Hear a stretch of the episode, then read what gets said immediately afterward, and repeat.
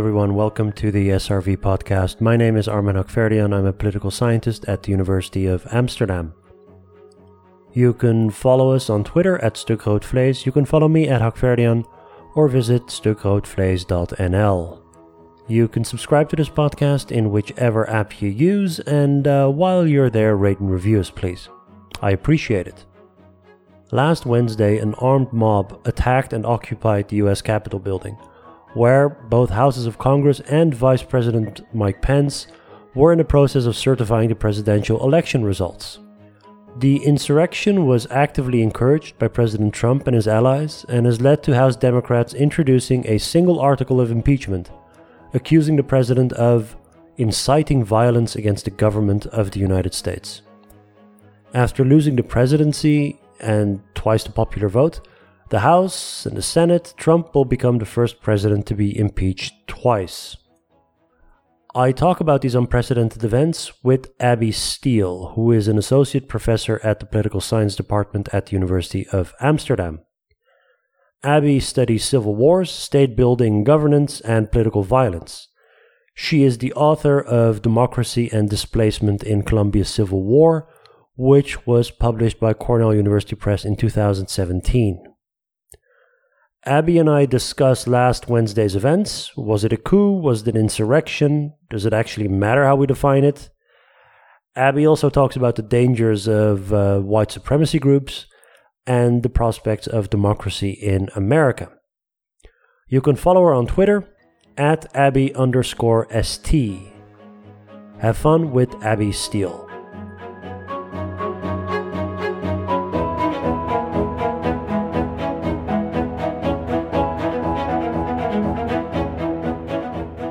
Okay, everyone, it's Monday evening. I'm joined by a very dear colleague, Abbey Steele. Abbey, welcome to the podcast. Thanks, Armen. Could you briefly explain or uh, t- tell the good folks at home what your field of expertise is? What do you do in your daily research? So, I study, very broadly speaking, questions of political violence and political order. And lately, or previously that has been in in the case of my book on the civil war in Colombia and how it re- how the violence of the war related to the democratization process in Colombia. Now I'm looking more on the political order side of things, so how the state building process is going also in Colombia again, as well as peace building efforts there, trying to see how how well the state is managing the sort of tail end of a large scale political violence episode? The answer is not well, unfortunately. And uh, do you intend on sticking to, to Colombia, or are there other countries or regions of the world which are violent enough for you to, to take an interest in? oh, Armen. Um, I I find I will probably stick with Colombia for the majority of my career. I find it to be a fascinating place that's that takes a lot of effort to get into and understand. And so then I think about starting over in a totally new place and it intimidates me because I still think I have a lot to learn about Colombia. What about your teaching? What do I teach? Yes. Yeah, so I teach a class. I just finished a master's elective class on civil wars and state building um, where we talked about all sorts of wars and sort of more analytical approaches to understanding violence and state building within wars and the sort of aftermath of wars. And I also teach a class with you, you might recall, called Democracies, Autocracies, and Transitions. So much more. Ago. yeah. Oh, yeah. It just ended a couple of weeks ago. Um, so more broadly speaking, I'm a comparativist and I look at, you know, broad questions of how um, governments are organized and how people react to forms of political order. Right. Um, so last week uh, was a was a um, there was a lot of. I mean, you can approach it from so many points of view. We'll we'll dive into it from an academic point of view, also how political scientists.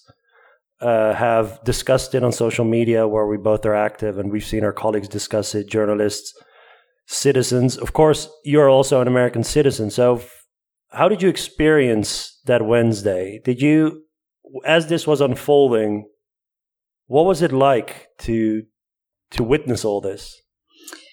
Yeah, it was alarming. Um, it was also it was also strangely disjointed. So I was watching um, the the statements made by the senators on the floor, and so I wasn't really aware of how bad things were outside. Which now we know also a lot of the senators and Congress people and aides were not aware either of how how close and how violent uh, the mob had become, and so yeah, it was it was on the one hand obviously alarming, really disconcerting to watch. Also, the slow reaction was really upsetting by security forces to the point where there were a lot of valid questions raised. So how how coordinated is this, and especially in terms of the non-response, um, and what might that mean for for what could happen? So I think on the whole, you know, I think we can be glad that it ended with um, the Congress people and Vice President Pence being moved out of the building before those actual rooms were breached. And to think about what might have happened if they hadn't been out of the building by then right. is, is really, we would be maybe talking about this event in really different terms. Um, but yeah, uh, but the uh, you know, and the other on the other hand, apart from being a sort of concerned citizen, was being an academic who studies political violence and electoral violence to some degree. This, you know, it was also really distressing that there wasn't better preparation since there was a fair amount of warning from certainly from scholars that this was a possibility um, and there were many journalists who were much more, you know, up to date with what was happening online, which I myself was not aware of until after the event, but that there were open plans to come and even storm the Capitol. Um, and journalists at the time were aware of these plans. And yeah, so it really, it was really shocking on many levels. So as you're watching this unfold, I mean, I I always go back and forth uh, between being really alarmist and thinking, oh, they're actually going to, like, the worst case scenario is going to happen. There's they're actually going to overthrow the government or they're going to kidnap members of the Senate, and also then thinking, no, this is this is just this isn't that bad. I'm I was constantly going back and forth, also because the the information was um, I, I feel like it came out with with with a with a lag, uh, and it's it's also just now days after that that we or we understand how close they actually were to reaching actual senators. That there was a there was this one police officer who who diverted the the, yeah. the mob to another hallway. Otherwise, they would have just breached. Yeah. The, the so I'm I was constantly I didn't know what to think. I'm also watching these things from a point of view of an academic who's trying to understand what's going on and knowing, sort of having theoretical knowledge about something and trying to apply it to what is unfolding. And of course, we're teaching the course together where we talk about transitions and regime change and all that sort of stuff. They're quite abstract terms with with examples, historical examples, current examples. But as something is unfolding and you try to apply your knowledge to something that's unfolding is very difficult. No, that's definitely true. Yeah. It's really, it's really, it can be really difficult, but it's still quite important, I think, to, to, to make the effort to classify what kind of thing we're observing. And so I know you mentioned, you know, act- activity on Twitter. And of course, there was a lot of debate around the term coup Right. Is it a coup? Is it not a coup? So most of the coup experts that I follow were very quick to say this really does not meet the criteria for a coup unless there's some information that hasn't been revealed yet. But what it looks like to us at the moment is that this is, we could not classify it as a coup. And the reason that most of them gave for that, of course, a coup, there are kind of two, um, types of coups in the sense that it can be the seizure of the state from an executive to by another who wants to seize executive power, but it can also be that same executive wanting to remain in power, right? The autogolpe. And and so it in in theory it could have been an autogolpe attempt by Trump. Um, but what I saw in the discussions by the coup experts, let's I'm thinking of Naunihal Singh and Erica de Bruin um, and they were saying, yeah, but we don't have yet any evidence that the security forces are actively involved. And then there was a kind of debate about what does it mean that the security forces really have to get right. in, involved. And I think by now it does seem clear that there were many mistakes made by the security people who were in charge of security and that they do seem politically influenced um, some of those mistakes, the decisions not to have the National Guard ready to go in and this kind of thing.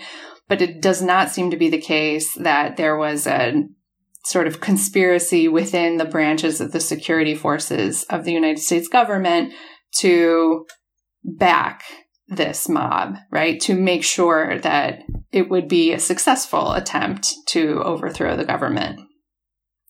So I think that's um, useful for a couple of reasons. I mean, one is, is this sort of analytical reason. We want to be able to classify events in a way that allows us to compare them to other things, right? To say, when do we, mm. are we likely to see coups and when are we unlikely to see them? Or when are they likely to succeed and when are they unlikely to succeed?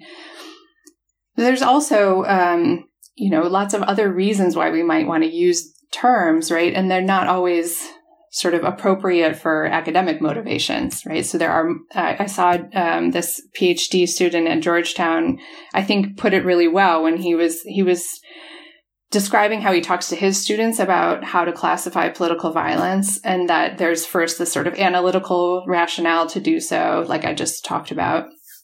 But there's also uh, bureaucratic and legal reasons to classify events.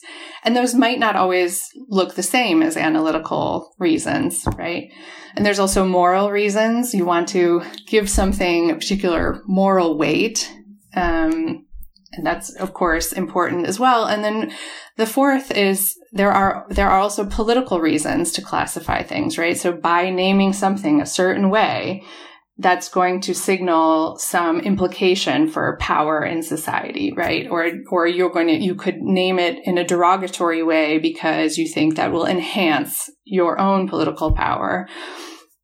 And so as academics, we, we are really solidly in the analytical category. And so I think right. to sometimes we can appear a bit pedantic.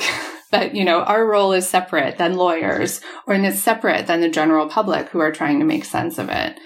Um, and it's when we are separate from politicians. Yeah, so you might justify using a heavy term like a coup. It, it applies to all sorts of contested concepts. It applies to I don't know populism or racism or whatever, it might, or or a country is not democratic or not. You you might use it for ulterior motives rather than just being. So, yeah, for instance, by calling something an insurrection, if that is, um, if it's if it's against the law, then by calling something an insurrection, you um, you make the act also from a rhetorical point of view. You point to its illegality, whereas maybe academically speaking, it didn't fulfill certain criteria. I think. Yes, that's definitely the case, and I think I should also say, you know, academics are not. Um, we we can also use uh, terms in a way that is politically motivated, maybe without completely being aware of it, right? We, mm. I mean, for years we studied re- quote unquote revolutions rather than civil wars, right? And who um, is classified as a terrorist and the organizations that are classified as terrorist organizations, even by academics, are sometimes quite influenced by bureaucratic or political classifications of groups, right? And so we need to be aware that there's a possibility that these you know the imperatives to classify for different reasons can sort of bleed into one another but we i think as academics need to do as good a job as possible being aware of those the sort of smuggling in um, the naming of an event for ulterior purposes.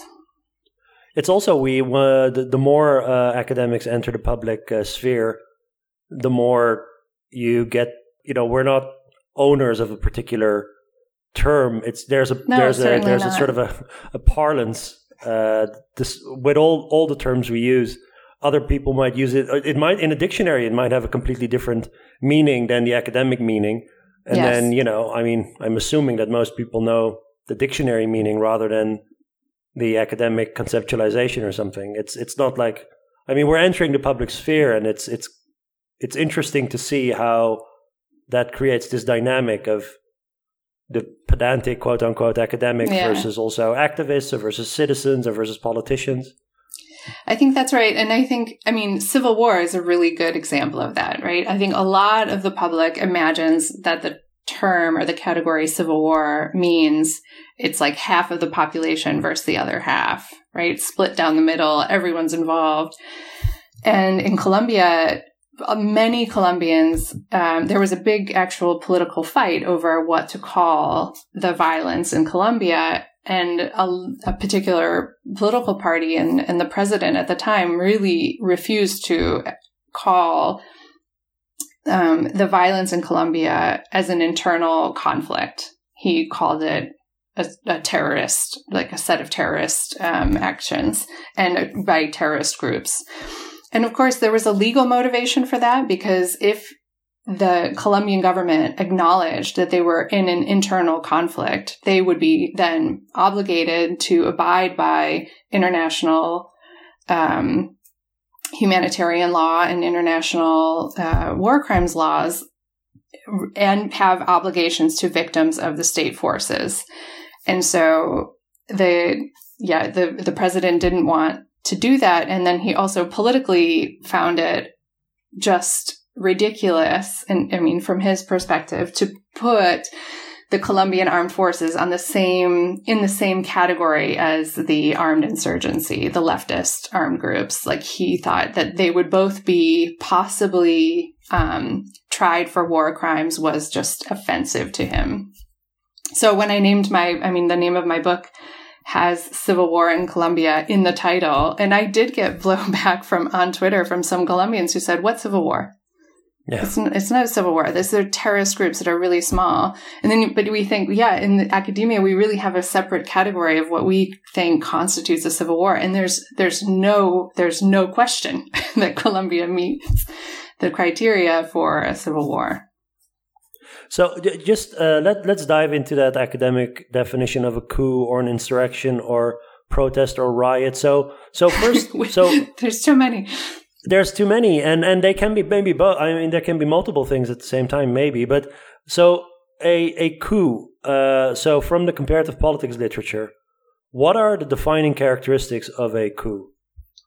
So there are you know, it depends, of course, it depends on who you're talking about. But um, as I, I mentioned, Naunihal Singh's um, definition or how he thinks about it, and he has sort of the first one is, you know, a, vi- a takeover of the state, right? It's, or of the state government.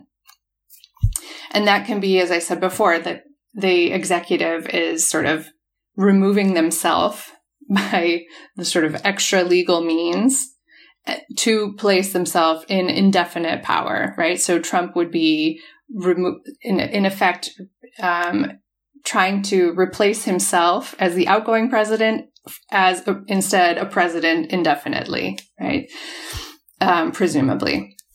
And so some people call that illegitimate or you could say unconstitutional. There's that something about it is unconstitutional or outside the bounds of normal rule of law. The second one is that it involves force or the threat of force. This is a really violent event um, which makes it different than some efforts by, for example, Putin, right, to adjust the constitution over time. It still allows him to remain in power, but it doesn't involve the same kind of very violent um, uh, attempt to change those rules, right? There's some other mechanism to change the rules. Um, and then the third feature is that the security forces are involved somehow. Is it always elite led a coup?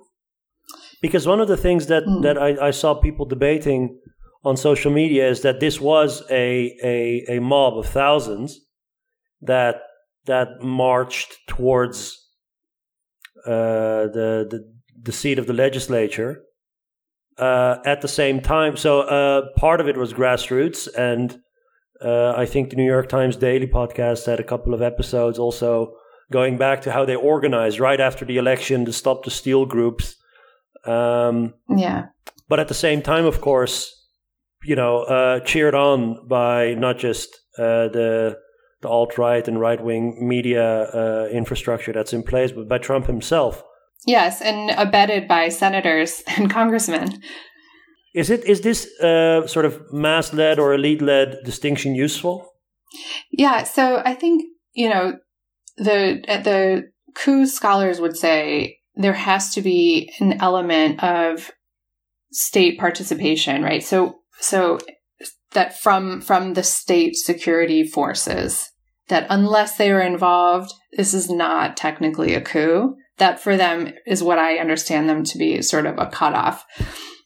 Now, in the actual unfolding of many coups in history, there has been a side by side kind of popular uprising. Something is going on where security forces can take advantage and say, now we are in control again. So it's not to say that it's never the case that there isn't also some kind of riot or insurrection or unrest that seems actually there's often that is often mm. coinciding with a with a coup. In this case, I guess it seems like from the intelligence available that the security forces were not making a move right? So we, there are also, you know, these same scholars who study coups also code attempted coups. And that can be really hard to code, right? So from the outside, you can just imagine trying to really see, you know, was there a conspiracy? Would security forces have moved and then something happened where they drew back because something changed? You know, it's really hard to see that from the outside. But from all available evidence so far, it doesn't seem like it's the case um, that that was in the works. It does, however, it remains to be the case that what happened was terrible, right? So a lot of the coup scholars were saying just because we are saying this is a different class of thing doesn't mean it isn't really bad. And actually, I was, and I think Singh made the best sort of case for why it is important. And he said, you know, a coup involves these security forces. If we re- we recognize this is not a coup, it helps us direct attention to the actors who were responsible, who were elites, right? So the president, the senators who went along with this lie, right? The Congress people. Those are people who need to be held accountable now for their participation. And his worry is that if we say it's a coup, then, you know, things will evaporate because there's no, there's, we can't attach responsibility to security force um, personnel. So the there was uh, I think the Washington um, Post reported on uh, there was this whole discussion about uh, um, why the National Guard wasn't employed earlier or later, and that um, actually from the very top of the executive branch, people were stopping it.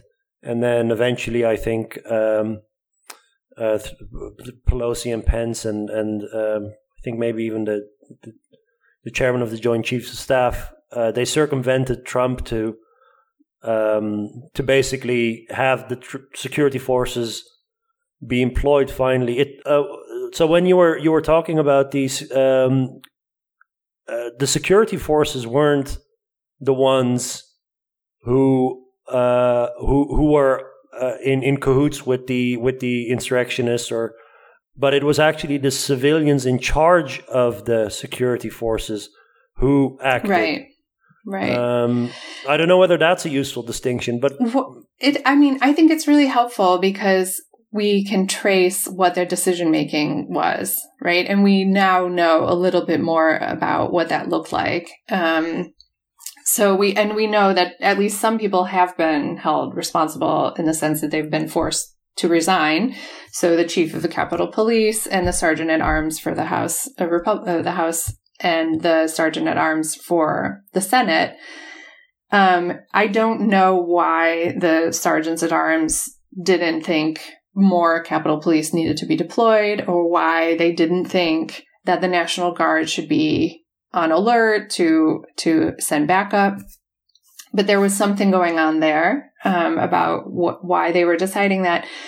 But there's also now some a, a, lot of commentary about meetings that were held beforehand, including um, by Mayor Bowser from DC and from the, the Defense Department, where they they were really criticized over the summer for how actively involved the Department of Defense and the Army and the National Guard were during Black Lives Matter protests, and that part of that like what they learned from that experience was to maybe not militarize the event because they were feeling like it didn't go well the last time. And you know, we we don't know how heavily that weighed, but it does sound plausible that they were reticent to again deploy um, these forces in a way that was not because they were trying to aid what they knew would become an insurrectionist mob. Now, another you know line of scholarship that I think is important is how security forces view different groups within society and how much of a threat they consider them to be. And we know that um, so, for instance, there's really interesting work by a scholar named Anna Meier about how the German, you know, government decides who are terrorists and how difficult of a time they have basically identifying white terrorist, white supremacist groups as terrorists, even though they meet the criteria in German law for being terrorists. Right. So it's still hard for security agents to even like integrate that into the response they craft to these groups. And I think the same is absolutely true in the US. You know, there that white supremacy is an ideology that is insidious and subtle. And I think it's completely plausible that a lot of these security force people in the Defense Department um, and and and in the Metropolitan DC Police just considered them to be in a different category of threat because they were primarily white. I think that's that's also plausible. Yeah, it's uh, it's it's not as you're sort of watching these events unfold. No one's cheering for escalation of violence or anything, but it is uh, you're seeing police forces exercise restraint and diffuse tensions that the result is quite different than if they were if they acted in a way that they acted previously this year with groups that aren't yeah white. so there's yeah there are several I think it's several sort of stages related to that. So one is that we know that there are many members of police forces in the US who are members of white nationalist groups or who support at the very least extreme the extreme right. There's reports of many members of the police actually attending this from different police um, uh, departments around the country came to Washington to join on the side of the protest, the rioters, what became an insurrection, which, by the way, is what I think is probably the the best definition that we're the best classification we can give this event at the moment. Then there's the matter of, you know, the Capitol Police being extremely understaffed and outnumbered. And in those instances, the, it's difficult to it's difficult to police that once that's started um, if you don't have enough people there. Um, so it's both this combination of you know the re- the readiness to begin with and perceiving these groups as a real violent threat um, it's the fact that there are so many security force members who seem sympathetic to white nationalist causes and then yeah once a mob gets out of control it's really it's really difficult i mean one of the things that that i find amazing uh, so th- this administration is dysfunctional in many many many different ways but you were talking about questions about what happened, what went wrong, why did the sergeant at arms, why did they resign? Um, that there, why have there been no press conferences? Yeah, from that, so, yeah. some of these federal agencies. I mean, the White House had a press conference of about two minutes, which was nothing, of course. Um, yeah, it was more like an announcement. But it's there's Mhm. no information coming from from these these federal agencies. Uh, Yeah. And given the breach, the security breach, and the threat, it's just it's crazy. It's so so strange. Yeah. No, I think it's absolutely strange and I I really don't understand what's going on. Um I know, you know, in November the Defense Department, you know, the many top people from the Defense, Defense Department were fired by Trump and replaced by sort of stand-ins who he perceived to be loyal to him. And this prompted a lot of concern. Um, this was right after the election, I think the week after. And that's also why this, the, I think there were 10 secretaries of defense wrote a letter to say, you know, the military shouldn't get involved. I think in part because they, I mean, I've heard, I heard some of them interviewed saying that they don't have contacts anymore, like in the upper rung of the Defense Department. And they were just nervous, honestly, about what was going on there. So I think it can be a combination of sort of incompetence by people who don't know how to run a huge federal agency, in, in the case of the Defense Department, at least. And then, you know, I, the, the FBI, I don't know. I really don't know. The Department of Justice, I don't know. I really, of course, we know that there was, a, again, a personnel change at the Department of Justice very recently when, um, when Barr stepped down. I honestly don't know.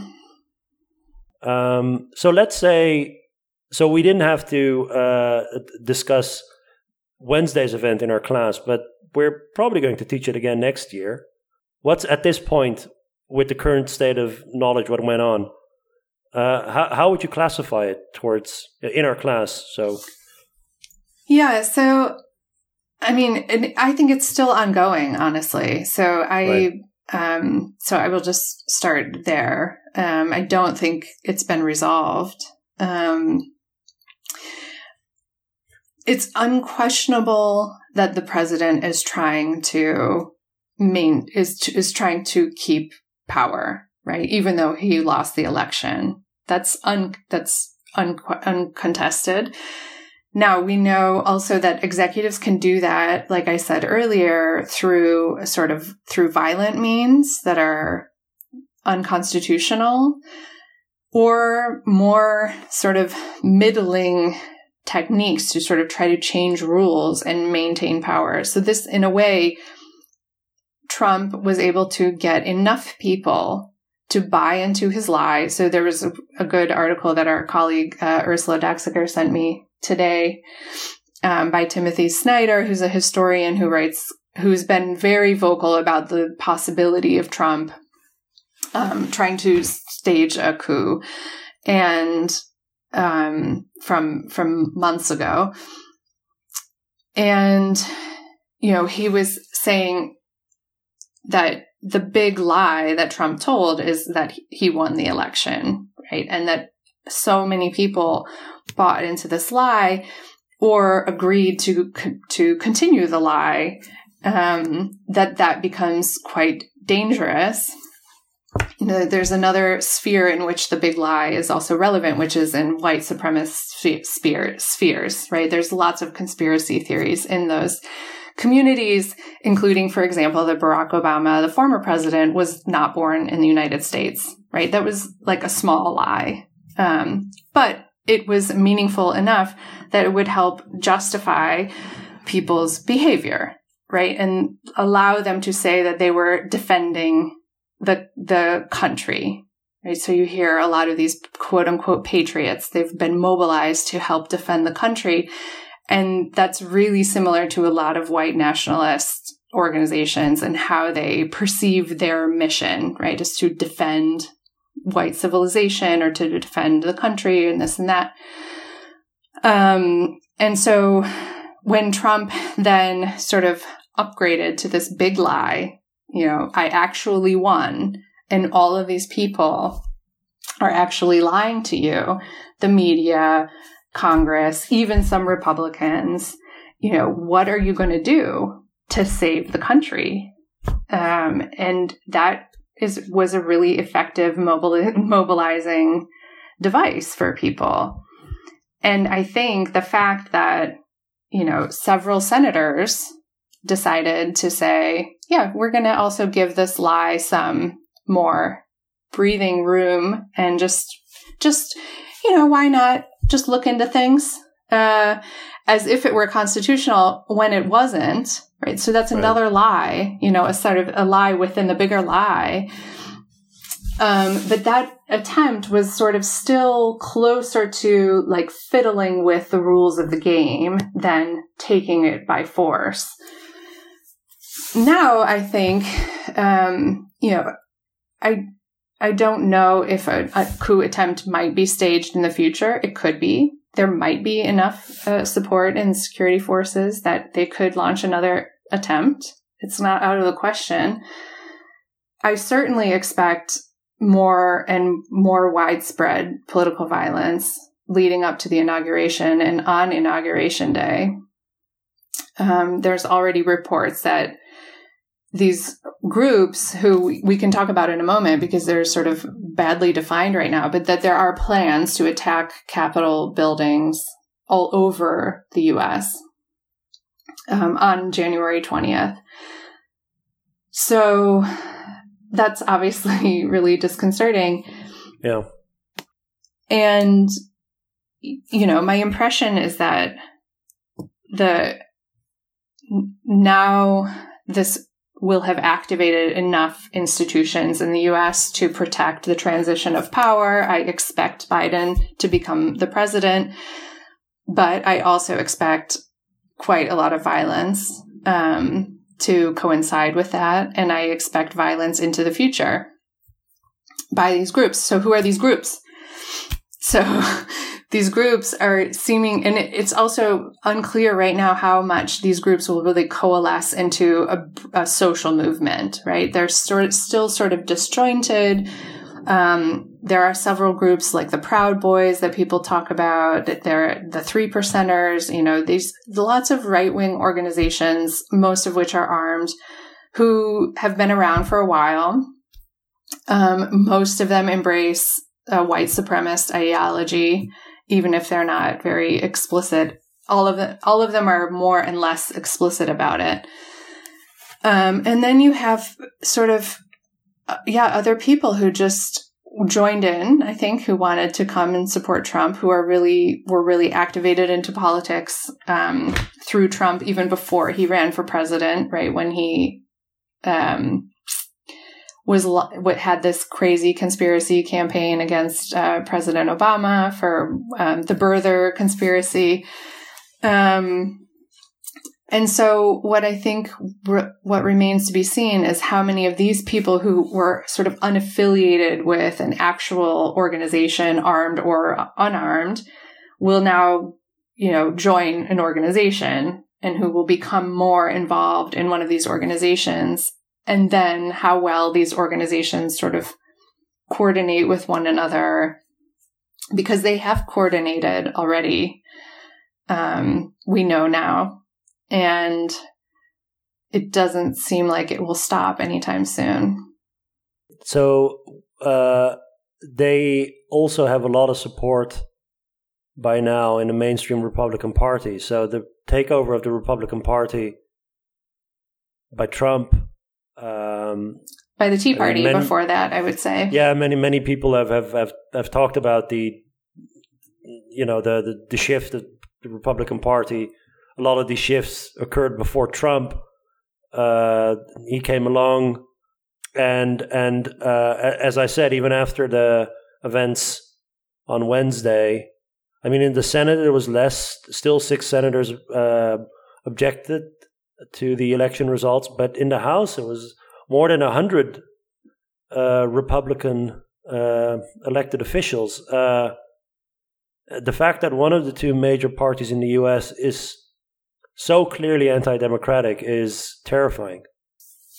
Yeah, I think now this is really they they were you know dabbling for a long time with um, these kind of restrictions on uh, democratic participation, especially. Of course, they've repressed voters. They've done quite a lot to try to maintain power in spite being a minority party, right? They represent millions fewer Americans in Congress um, than the Democratic Party. And yet they still have control until recently. So um, that was the bright spot on Wednesday that was like immediately erased yeah. by by these other events. Um, but I think you know this is this also goes to the question of sort of is this American or not? What we saw, and what I mean by that is that you know we heard a lot of hand wringing following um, the violence, and including from President elect Biden to say, this is not America, right? And then immediately you had a lot of other people saying, whoa, whoa, whoa, whoa, whoa, actually. Um, and I think this is, um, yeah, this is quintessentially American. It's quintessentially American. And we, we have seen this before and it's, it's like we are in cycles. And so, uh, Omar Wasow, who is a, a professor in Princeton University, wrote a nice thread that he converted into an op-ed for the Washington Post using the you know, former uh, uh, uh um, and now I'm gonna I forget who wrote the original article, but about different political orders, about how they shift over time. So there's these competing political orders in the U.S. One of which is sort of based on white supremacy and exclusion and who gets to hold power based on a sort of idea of who is a real, quote unquote, real American. And then a more multiracial coalition that is for more democratic um, participation. And that these, that the contest between these kind of opposing orders co- keeps going back and forth in American history. And you know, that w- I was also reading today that, you know, when Cruz was speaking, he was saying that there was precedent, Senator Cruz, I'm sorry, he was saying that there was precedent for for questioning the electors of whatever you know objecting to the electors in the from the 1876 election. But this the really tragic part of that of course is that the compromise that led to um, Rutherford Hayes becoming president was that the North had to agree to take the troops out of the South and end Reconstruction, which then, of course, started a reign of terror by white supremacists and official exclusion from political life of Black Americans for almost a century. That capitulation completely derailed American democracy, not to mention harmed, you know, th- thousands of people. Um, and so the fact that Cruz would use that as his justification is just disgusting, right? And it just shows also like, yeah, this is another pivotal moment, I think, in American history where we are either going to opt for the multiracial, um, open democratic path, or we are looking at movement towards authoritarianism because if you're going to exclude people's participation on the basis of race, you cannot have a democracy. It's impossible. You, it's, it doesn't meet the requirements. Um, and so I do, I think it's a really pivotal moment. I think the best we can hope for is that the Republican Party fragments, which has also happened in the past.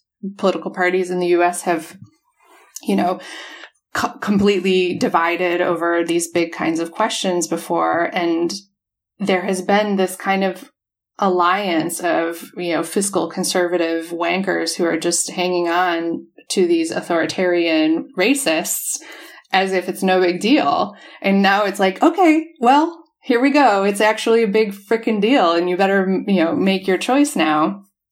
And I think, you know, so far, Lisa Murkowski has said she's siding against the authoritarians. Uh, you know, Mitt Romney has said he's against them, but it remains to be seen, like, are they going to become the leaders of a new conservative party that is an opposition, that is in opposition party that is actually going to play by the rules of a democratic game, which right yeah. now, as you said, we don't have, but we need, we need that. The, um, I, am I'm, I'm wondering if we, uh, sort of take a look at the, um, the electoral side of, um, of, of this, this election and also the, the discussions around voter fraud. Now, there's people who are saying also uh, Democrats that are saying these were free and fair elections that Biden and, and Harris won. Um, I happen to believe that they're not free and fair, but it's rigged against the Democrats, not against the Republicans.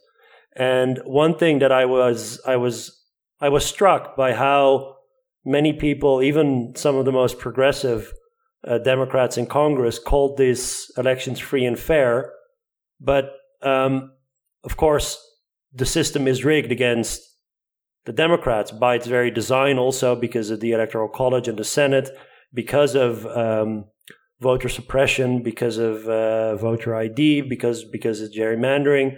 Um, and as we move forward, this idea that the election was uh, stolen by the Democrats is going to have repercussions at the state level that Republican lawmakers are going to use quote unquote peaceful means in order to further rig the system in their advantage. So there, so I'm very worried that down that down the road, sort of downstream, um, what started after Bush v. Gore, but this this whole crackdown on on some sort of imagined voter fraud is going to lead to the system being more rigged and more yeah. entrenchment of minority rule. What's what's your take on this? Yeah, I mean, it is really disconcerting. And I just want to point out the irony that precisely where Trump and the Republican Party alleges fraud occurred are cities where voters are majority black voters, right?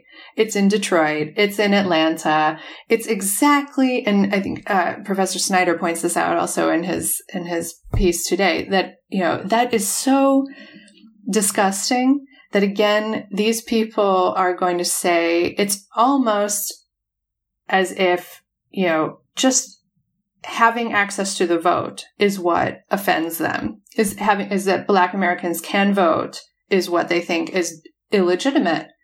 It's so, it's so striking. And, and then they try to turn it and say that they're, they're the ones who are victimized, right? By this supposedly fraudulent vote. It's so offensive. Um, and just, yeah, it's really depressing. In terms of looking forward into the future, I don't know. I think you're right to be worried because we just, we don't have it right yet. Um, far from it. I think there would be some hope now that the executive and Congress are controlled by Democrats that some new federal measures would be um, adopted. So, including a new Voting Rights Act, there's one already drafted that's named after John Lewis, the former congressman who, or the congressman who passed away last year. You know, I think that that might have some that, element of where, hope there. Where Trump's long-term damage on the system is going to come to the surface. Is it the one past the Supreme Court? Probably then.